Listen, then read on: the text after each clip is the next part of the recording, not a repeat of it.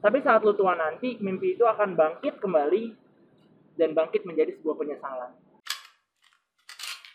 bukannya kita mendapatkan masukan positif dan mendapatkan dorongan ini malah kita mendapatkan eh, apa hambatan ah tahu gitu dengan duit segitu gue bikin acara sendiri aja lebih worth it lebih seru gitu loh Iya, iya. gue nggak nyesel sama konsep yang udah lo bikin gitu Percaya deh, kalau lu suka jalanin aja.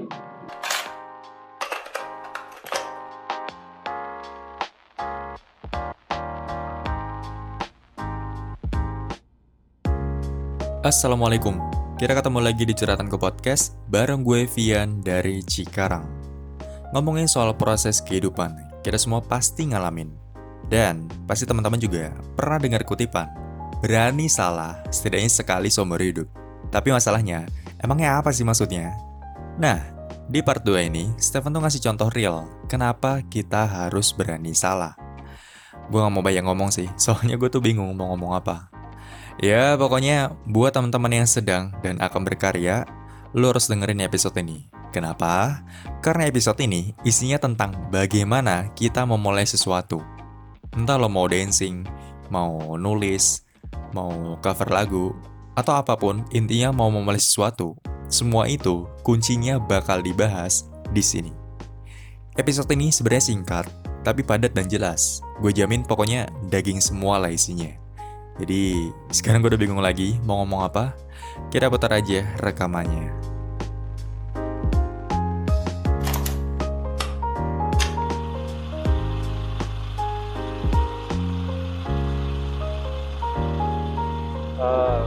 Itulah kenapa ini nggak tahu sih gue jadi gini itulah kenapa mungkin menurut gue adalah eh, banyak artis-artis yang kita kenal wah kayaknya keren terkenal dan segala macam tiba-tiba kena skandal dan kita shock Hmm. ya karena kita nggak tahu aja sebenarnya Iya. mereka tuh di belakang juga melakukan banyak kesalahan sehingga Iya. mereka bisa sebesar itu sekarang Iya. masalahnya adalah ya masalahnya adalah orang-orang sekarang kebanyakan kepengennya instan gitu. Iya. makanya itu masalah utama masalah utamanya adalah orang kepengen instan sehingga nggak belajar dari kesalahan Iya. berarti gini dong kesalahan yang yang lo buat selama ini tuh proses kan Banget. tapi gini gue mengenal satu kutipan yang ini ya lo mungkin pernah denger lah Abdul juga pasti sering dengar lah kutipannya adalah proses tidak mengkhianati hasil Heeh. lo setuju nggak dengan itu Setuju. kenapa setuju Enggak, enggak, enggak. Enggak deh, enggak, enggak jadi deh. kenapa nggak setuju Enggak setuju. masih labil nih masih muda iya, maaf ya guys. Gue masih muda. enggak sih. Enggak setuju sih. kenapa nggak sih Setuju enggak ya? Enggak tahu ya, saya tuh proses orang tidak mengkhianati hasil saya tuh orangnya bukan hitam putih sih. Gue Oh, orangnya bukan hitam putih. Kalau buat gue ya, proses itu tidak akan mengkhianati hasil. Tapi proses pasti mengkhianati hasil. Aneh nggak? why Karena gini, proses kalau buat kalau buat saya ya, proses itu nggak ada nggak ada sangkut pautnya sama hasil. oke Buat saya, ngapain? Kalau kita berproses sesuatu, emang kita ingin mendapatkan hasil? Enggak, buat saya proses itu bukan tentang hasilnya. Bener deh, kalau buat saya. Karena selama ini, ketika saya mencoba belajar dari kehidupan, ada proses yang tumbuh di sana, saya jatuhnya bukan mendapatkan hasil gitu. Ngerti gak sih? Kayak orang-orang tuh berproses kayak, oh iya, gara-gara proses gini, ini pasti lo bakal gini, gini, gini. No, buat buat saya bukan bukan begininya yang saya cari. Meskipun ya pada alurnya seperti itu. Tapi ketika saya breakdown lagi ke belakang, justru proses itu yang berharga. Ngerti gak sih? Jadi kayak nggak kalau buat saya proses itu nggak ada sangkut pautnya sama hasil. kayak kemarin aja gitu ya tujuannya mau bikin sabisi Nah. prosesnya bikin website Heeh. hasilnya nggak jadi Iya. sabisi Iya. hampir gagal Iya, tapi proses bikin websitenya jadi Betul. dan udah tahu gimana caranya bikin website betul. Dan itu kan nggak ada sangkut pautnya sama Iya. hasil yang saya mau. jadi hasil ada sebuah bonus aja hasil nggak ada korelasi korelasinya Nggak ada korelasi. ada korelasinya tapi tujuan lo tujuan gue jelas tujuan Jelas. gue jelas proses gue jelas hasil itu bukan sesuatu yang berkorelasi dengan tujuan gue hasil itu bukan sesuatu yang berkorelasi dengan proses gue berarti kita kalau memulai sesuatu fokus utama lo bukan hasil? No bukan. Proses. Iya. Lalu gimana caranya tetap termotivasi ketika kita berproses tanpa memikirkan hasil? Tujuan. Karena tujuan dan hasil itu beda. Beda. Tujuan dan hasil itu beda. Kalau hasil itu adalah sesuatu yang kita ekspektasikan seperti ini. Gitu kan? Kalau tujuan kalau tujuan itu adalah sesuatu yang kita lihat daripada proses. Oke. Gitu. Oke jadi oke. ditariknya ke belakang. Oke. Ada benang merah? Ada benang merah. Kayak gitu. Fokus utama lo adalah tujuan.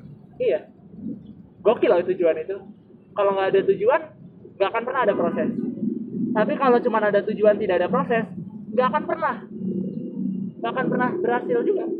Nggak akan pernah berjalan apa apa juga. Jadi kayak gitu gokil ya? Gokil ya? Terus? Gimana dong? Menurut tuh sama orang-orang yang gak punya tujuan hidup apakah mereka tidak berproses? Tentu mereka berproses mereka mengalami manis pahitnya kehidupan. Tapi kita bisa bilang mereka nggak punya ya tahu sih mereka tuh sebenarnya nggak punya tujuan apa punya tujuan tersebut atau gimana. Tapi yang kita lihat adalah tren ini mereka ikut tren itu mereka ikut. Kesannya nggak ada pendirian gitu. Jadi nggak ada tujuan nggak ada apa yang pengen dia capai Eh, kuncinya berani sih. Berani? Iya. Kuncinya berani. Berani salah. Berani salah ya? Iya. Itu lebih tepatnya berani salah. Kuncinya berani salah. Nih buat teman-teman ya yang sering diomongin ayo berani salah ayo berani salah. Nih contoh aslinya nih. Berani salah tuh begini. Maksudnya tuh begini ya eh, berani salah. Jadi bukan ketika ada sesuatu ah bodo amat salah ya udah salah ya enggak gitu maksudnya ketika berani salah adalah kita tahu itu salah tapi kita tetap lakukan untuk mendapatkan apa yang ada di balik kesalahan Iya. itu supaya kita bisa belajar Iya. ambil hikmahnya dari kesalahan Iya, berani aja, berani salah. Kalau gini ya, semua orang pasti punya tujuan hidup, semua orang pasti berproses, tapi tidak semua orang berani untuk melakukan kesalahan. Gitu. Nah masalahnya di sini nih, kalau orang nggak berani melakukan sesuatu yang dianggap salah, kalau orang tidak berani mengambil resiko, dia tidak akan pernah berproses. Gitu. Kenapa? Karena dia nggak sadar dia berproses gitu. Proses itu kan menghasilkan output pembelajaran ya, pembelajaran kehidupan. Pembelajaran kehidupan ini yang nantinya akan menjadi tujuan hidup. Lah Oke. kalau prosesnya nggak dimulai, kalau dia nggak berani untuk berproses itu kan sama dengan bersalah gitu. Tidak mungkin dalam proses tidak salah. Justru kita berproses karena kita pengen mencari kesalahan. Lu semua nih misalnya pengen masuk OSIS atau pengen masuk UKM. Ya kan tujuannya apa? Cari masalah aja di situ. Antara ada tugas dari kakaknya, ada ada tekanan dan lain sebagainya, nyari masalah aja. Gua mulai bisnis ya nyari masalah aja. Kita semua tahu di situ ada masalah. Dan kita mau kita mau nyari masalah itu. Itu loh kuncinya. Jadi kalau udah udah mulai masuk ke situ, itu nanti bakal gampang. Dan yang paling penting nih, yang paling penting itu buat saya adalah belajar dari kehidupan. Itu penting banget. gimana tuh belajar dari kehidupan Jadi gini, tadi kan saya bilang pertama kuncinya adalah berani salah. oke Berani salah supaya berproses. oke Ketika berproses, kita tahu salah dan menghasilkan sesuatu kan. Salah nih, oh jadinya ke B. Salah nih, oh jadinya ke C. Padahal harusnya ke A. Gitu kan? Nah itu yang harus dipelajarin. Kenapa bisa jadi ke B? Kenapa bisa jadi ke C? Kenapa bisa jadi ke A? Salahnya di mana? berarti sense of why kenapa itu yang harus Iya, ditekankan iya, iya benar. orang harus banyak tanya kenapa ya Iya. Kenapanya jangan nanya gini. Perbedaannya ya. Cara belajar kehidupan yang baik buat saya belum tentu baik untuk mereka ya. benar Baik untuk saya Relatif, seperti relatif. iya relatif. Kalau buat saya, kalau kita belajar secara akademik, why-nya kan kita taruh ke eh, materi. benar Materi ini. Eh, kenapa sih? Kenapa payung itu berbentuk seperti payung gitu Ya. kan?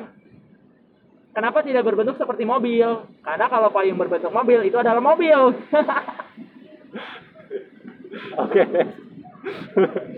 nggak nggak maksudnya kok jadi ke sana Gak apa-apa. oke next Saya sedang belajar stand up comedy ya teman-teman. Oh, ya, nanti nanti instagramnya gue taruh di deskripsi Habis kayaknya gue, kayaknya gue orangnya serius banget kayaknya. Ih, nggak nggak nggak. Kita harus berkomedi ya. Kita harus tertawa bersama. supaya asik ya Ya, jadi gimana tuh payung Jadi Mobil. gitu kan, kalau misalnya enggak Kenapanya? Iya, why- why-nya kita why-nya kita geser kalau di kehidupan itu why-nya kita geser benar-benar ke pengalaman kita. Experience. Iya. Gitu. Dan yang tadi yang tadi awal balik lagi ke yang awal, kalau saya bilang eh, kita harus berani salah. Kenapa kita harus berani salah? Gini. Untuk mengakui sebuah kesalahan itu dia harus diawali dengan berani salah. Iya, Gak mungkin. nggak mungkin. Kalau nggak berani salah, nggak akan mungkin mengakui kesalahan. Benar. Lo berani aja? Iya, Gimana gimana mau ngakuin gitu kan? Nah masalahnya Benar. adalah kalau manusia tidak mau apa ya mengakui kesalahannya, tidak berani membuat sebuah kesalahan, ya maka dia akan hidup dengan pembenaran dan tidak akan bertumbuh. Dan ya udah stagnan. Itu itu akan berlaku untuk semua apa ya semua karya-karya dia. Akan seperti itu. Berarti apakah ini alasan utama kenapa sangat sedikit orang-orang seumuran kita yang semuda kita memulai karyanya dia sendiri? Iya, Secara tidak langsung atau secara langsung? secara tidak langsung. Secara tidak langsung yang menjurus secara langsung. Anda pasti bingung. Gimana lo? Jadi gini, Ya sebenarnya kalau gue sih paham ya, cuma pendengar udah kita kan belum tentu belum tentu Iya, iya. sih. Tidak tidak langsung tapi menjurus langsung gimana? gini gitu. gini. Curug curug permasalahannya pada akhirnya adalah tidak berani. Kenapa tidak berkarya? Curug permasalahannya adalah tidak berani. Gitu. Kenapa tidak berani? Nah, ini faktornya banyak. Ada yang memang ekonominya kurang, nanti dia takut tidak bisa makan, itu tidak berani. Ada yang belum cukup ilmu, itu tidak berani. Jadinya dia tidak melakukan saat ini. Kayak gitu. Jadi eh, makanya tadi saya bilang kayak gitu. Itu permasalahan utama. Iya, curugnya sama. Curugnya sama, cuman eh, airnya kan beda-beda ya. Ada yang dari Kali Ciliwung, ada yang dari macam-macam kayak gitu. Cuman pada akhirnya semuanya akan akan balik lagi pada orang itu sendiri. Berani nggak lu ngambil resiko ini? Mengambil resiko. Iya. Berani nggak membuat kesalahan lagi? Berani nggak apa ya? Menjadi orang yang dibenci lagi? Berani nggak menciptakan permasalahan? Tapi gue menarik. Eh, lo kan mengajarkan untuk berani memulai sesuatu. Intinya adalah lo berani nggak sih untuk mulai dulu aja gitu ya kan. Eh, sedangkan menurut gue ini menurut gue ya, eh, gue ini nggak tahu kenapa sejak dulu gue keras banget sama sistem pendidikan Indonesia. Kenapa? Karena menurut gue sistem pendidikan di Indonesia itu nggak mengajarkan kita buat berani memulai sesuatu. Orang nilai salah aja kita dipermalukan di dalam kelas kok. Kita dikasih nilai jelek, nilai merah, bukannya kita dibenarkan. Dikasih, oh gini loh benernya dari kesalahan kamu gitu. Kita malah dikasih penilaian yang eh, merah. Makanya orang-orang mikir, aduh gak mau salah lah. Yang bener aja gimana sih yang bener gitu. Sehingga orang nggak pengen berani mulai salah. Menurut tuh gimana sih cara memunculkan keberanian itu? agak ini ya pertanyaannya ya agak Tricky nih. agak tricky ya Trik ini. gimana cara memunculkan keberanian di saat lingkungannya menyalahkan gimana ya saya sih dari dulu memang tidak pernah ada yang menyalahkan sebelum saya memulai Oke. itu itu kuncinya Lo nggak pernah menyalahkan iya sebelum lo memulai. Iya. Jadi ketika lucunya kalau kalau saya nih memulai sesuatu itu memang jarang ada yang tahu. Gitu. Jadi mulai aja dulu gitu kan. Orang-orang tuh agak agak dikit yang tahu apa yang mau dimulai dari kecil. Nah, ketika itu sudah terjadi, baru saya tahu oh ternyata ini salah atau ini benar. Jadi pembenaran atau atau salahnya itu datangnya bukan sebelum saya memulai, gitu. Tapi setelah saya melakukan sesuatu dan dari situ saya akan belajar ini benar atau salah. Nah kalau yang dari tadi lu bilang sih di ya mung- mungkin karena terlalu terlalu di ini terlalu di di judgementnya terlalu terlalu du- terlalu dini gitu Oke oke. judgementnya terlalu dini oh ini orang bodoh ini orang pintar itu terlalu dini gitu jadi orang udah takut duluan Meskipun secara secara nggak langsung, tapi judgement itu udah ada Iya. sejak dini. iya Ya. Dari teman-teman aja ya kan. iya dari Ah, lu bego teman-teman lu gitu.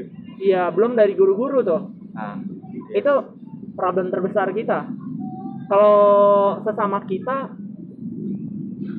gimana ya bilangnya ya? Menurut saya sih guru adalah kunci daripada daripada permasalahan ini. Iya makanya menurut gue jadi guru tuh sebenarnya susah. Iya. Orang kadang-kadang gue pengen jadi guru pengen jadi guru ngajarin ngajarin itu gue mikir kayak lo ngurusin anak orang loh gitu. Iya. Orang lain tuh mempercayakan anaknya kepada lo gitu. Apakah lo bisa benar-benar memunculkan kesuksesan kepada mereka iya. keberanian kepada mereka itu kan tanggung jawab yang sangat besar sekali. Apalagi lo dibayar loh itu. Iya. Susah banget. Berarti memulai diri sendiri. Iya. Harus harus berani harus berani apa ya?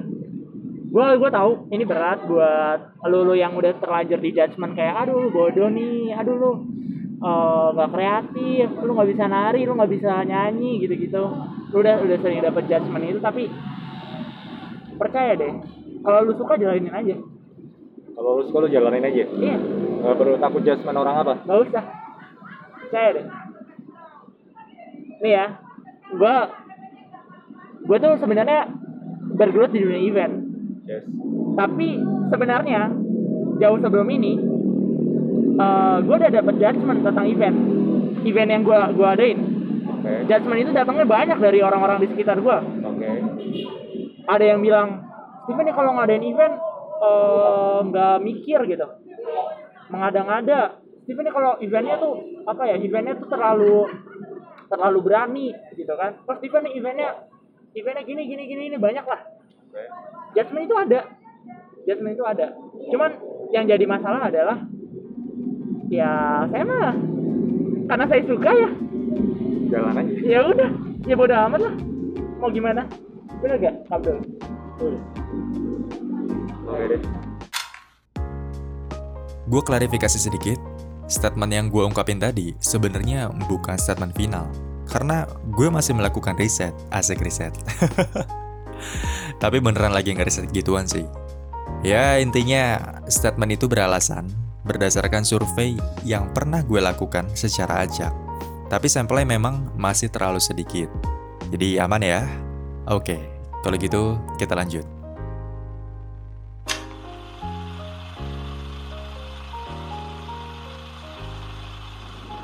Oke, dari tadi kan gue dengerin nih. Sebenarnya gue itu nyimpen satu pertanyaan. Oke, Cuma karena nggak sesuai sama poin apa yang lagi dibahas, jadi gue tahan dulu. Nah, sekarang gue tanyain. Tadi eh, udah dibahas klien pertamanya itu seorang suami istri. Mereka pengen ngasih kejutan. Yang ngasih kejutan itu istri atau suaminya? istrinya Istrinya pengen ngasih kejutan ke, Ke suaminya, suaminya. gitu ya. Oke, gue mau tanya. Misalnya gue nih nanti udah punya istri.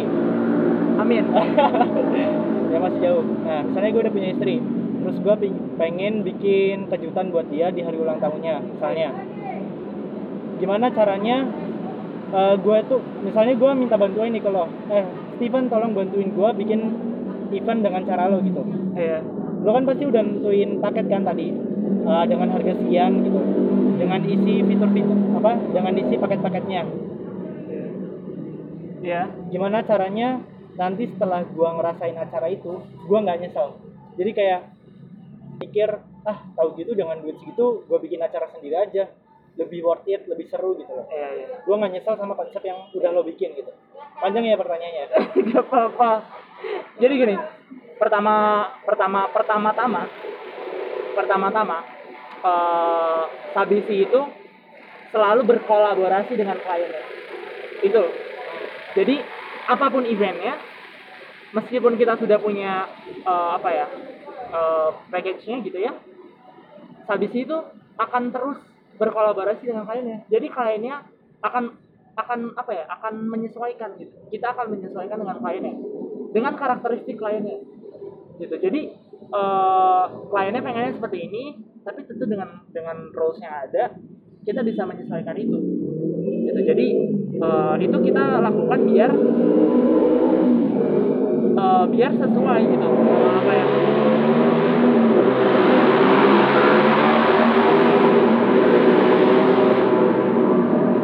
itu kita lakukan. Kita kita lakukan. Wih. maaf ya guys. Kita di studio. Outdoor. Outdoor. Kayaknya yang tadi nggak perlu dikat sih. dia sudah itu kita lakukan biar in- biar yang tadi. Harapannya ek- ekspektasinya sesuai realitanya. Karena kan eh, ekspektasi tim sabisinya gini tapi ekspektasi kliennya begini. Ya. beda. Jadi kita menyesuaikan ekspektasi kita kedua kenapa eh, kenapa daripada apa daripada kita ke sabisi mending kita ngadain event sendiri Ya. Jawabannya simpel aja. Karena klien yang datang kepada kita, customer segmen kita memang orang-orang yang eh, tidak punya waktu atau eh, tidak punya apa ya eh, skill untuk me- Mempersiapkan. iya mengorganize event yang dia Nah. inginkan gitu. Jadi eh, di situ kita bisa hadir gitu sisa bisinya. Jadi klien itu nggak perlu repot-repot eh, ngurusin sana sini Ya. kayak gitu misalnya kayak klien saya yang kemarin klien pertama gue yang kemarin eh di akhir di akhir apa namanya di akhir dinner Ya. ketika kita foto bareng terus dia eh, beliau bilang gitu kan pasangan ini oh Steven nanti pokoknya ulang tahunnya anaknya anaknya namanya boleh disebut gak sih? Ah iyalah. X aja. memang inisialnya A ya. Oke. iya kebetulan sekali. A. anaknya kan umur di bawah satu tahun ya. out of the blue aja nih. Nebak-nebak gue oh ternyata A beneran. Nanti ulang tahun pertamanya si A oke. boleh nggak kita ngadain event lagi? Dia bilang gitu. Jadi repeat ordernya saat itu juga gitu. Dia bilang gitu kan. Karena merasa iya. Karena merasa puas sama uh, Iya. gitu ya. iya gitu. Jadi jadi misalnya eh, di di saya saya nyediainnya waktu itu saya bilang oh yaudah dinernya nanti eh, main menunya adalah eh, salmon ya gitu. Terus habis itu saya konfirmasi dulu. Nah tujuannya biar apa? Biar saya tahu nih klien suka salmon apa kagak nih. Iya. nah ternyata iya. Taunya sukanya ayam gitu. iya dan benar dan benar ternyata sukanya ayam. Dibandingin salmon kan itu kan kita kan gimana ya? Apa ya out of the blue nya tapi Iya. pas gitu. Iya. Kadang kan kita mikir ya ayam kan udah sering ya maksudnya orang-orang makan ayam kan udah sering ya pecel lele ada ayam oh salmon pasti mau nih gitu kan. Eh beda ternyata beda. Iya beda nih agak mahal nih. Eh ternyata maunya ayam. Gitu. Jadi ya akhirnya kata sesuaiin lagi kita sesuaiin lagi. Kayak gitu sih. Jadi ya semoga menjawab. Iya sih. Emang sebenarnya membantu banget habis ini. Kita udah nggak punya waktu, kita minta bikinin acara, tapi acaranya sesuai sama apa yang kita mau. gitu ya. betul dan exactly bisa dan bisa diadakan saat pandemi exactly apa pun acaranya apa pun mau kliennya sih Mantap. bisa banget ya anda Oh iya, tadi kan ada tuh nama anaknya berinisial dari A. Ini ada kuisnya nggak nih? Berhadiah gitu. boleh nih boleh nih menurut pendengar mau ada quiz dari Sabisi nggak nih nanti kalau ada quiz linknya gue taruh di deskripsi aja lumayan lah karena kan kuis apa nih nggak Ya, kepikiran ya. siapakah A, anak tadi gitu? Namanya siapa? Kan udah inisialnya. nih nggak? karena karena kita eh karena kita tapping waktu sore sore ini udah mau buka jadi eh, belas buat terakhir aja sih gue pengen pengen tahu sih Hmm, nanti satu-satu aja mulai dari siapa dulu atau Abdul dulu terserah gue pengen pengen tahu sih gimana sih cara lo meyakinkan teman-teman kita nih yang masih takut-takut untuk mulai karyanya mereka? Gimana cara lo buat meyakinkan mereka untuk memulai karyanya apa pun itu loh karyanya. Mau cover mau melukis sketch nyanyi atau joget-joget dancing atau TikTok. apa? TikTok. Apa yang ide-ide gila mereka Dari siapa dulu nih? Dari gua dulu ya. iya lah dulu. bosan Ya. dari saya mulu Tadi kan udah dijelasin ya sama Steven. Eh, dia bikin acara, dia rencanain dulu tanpa bilang ke orang. Oke lah, ada orang yang tahu, tapi sedikit. Jadi dia lebih ke apa namanya? ngelakuin dulu, nyoba dulu, baru sedikit demi sedikit, perlahan-perlahan dia ngasih tahu ke orang, ini lo gue lagi bikin ini, ini udah ada buktinya. Nah, jadi jadi eh, dari gua sendiri, kalau misalnya kita pengen bikin sesuatu, kita mulai dulu aja tanpa ngasih tahu ke orang lain. Kenapa? Karena nggak semua orang itu mendukung apa yang kita ingin lakukan. Ada eh, orang-orang yang nggak suka sama kita. Jadi takutnya kita cerita kita mau bikin apa ke orang yang nggak suka sama kita.